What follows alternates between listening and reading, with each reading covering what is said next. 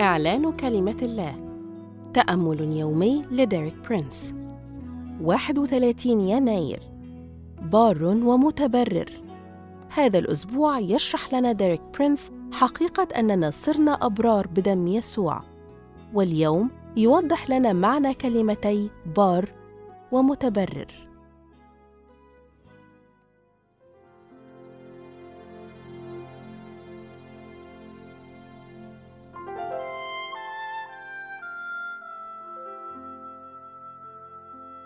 يقول الرسول بولس في رسالة روميا فبالأولى كثيرا ونحن متبررون الآن بدمه نخلص به من الغضب.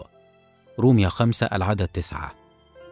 أينما نجد كلمة بار في الكتاب المقدس فيمكننا أن نستبدلها بكلمة متبرر وهذا صحيح في كلا العهدين القديم والجديد وهو ما يؤكده مترجمو نسخة الملك جيمس للكتاب المقدس عندما يستبدلون ترجمة نفس المعنى بكلا الكلمتين فهم يستخدمون كلمة متبرر في نطاق العمليات القانونية وكلمة بار في نطاق الحياة العملية ولكنهما واحد ولهما نفس المضمون. وتظهر المشكلة عندما نستخدم كلمة يتبرر والتي عادة ما تستخدم في المعاملات القانونية في المحاكم السماوية ولكن هذا الاستخدام يبرز نصف حقيقة المعنى الفعلي للكلمة. حيث تعني كلمة متبرر أن تجعل شخصا ما بريئا أو بارا. والبر كلمة تشمل حياتنا بيوتنا أماكن عملنا وعلاقاتنا الخاصة.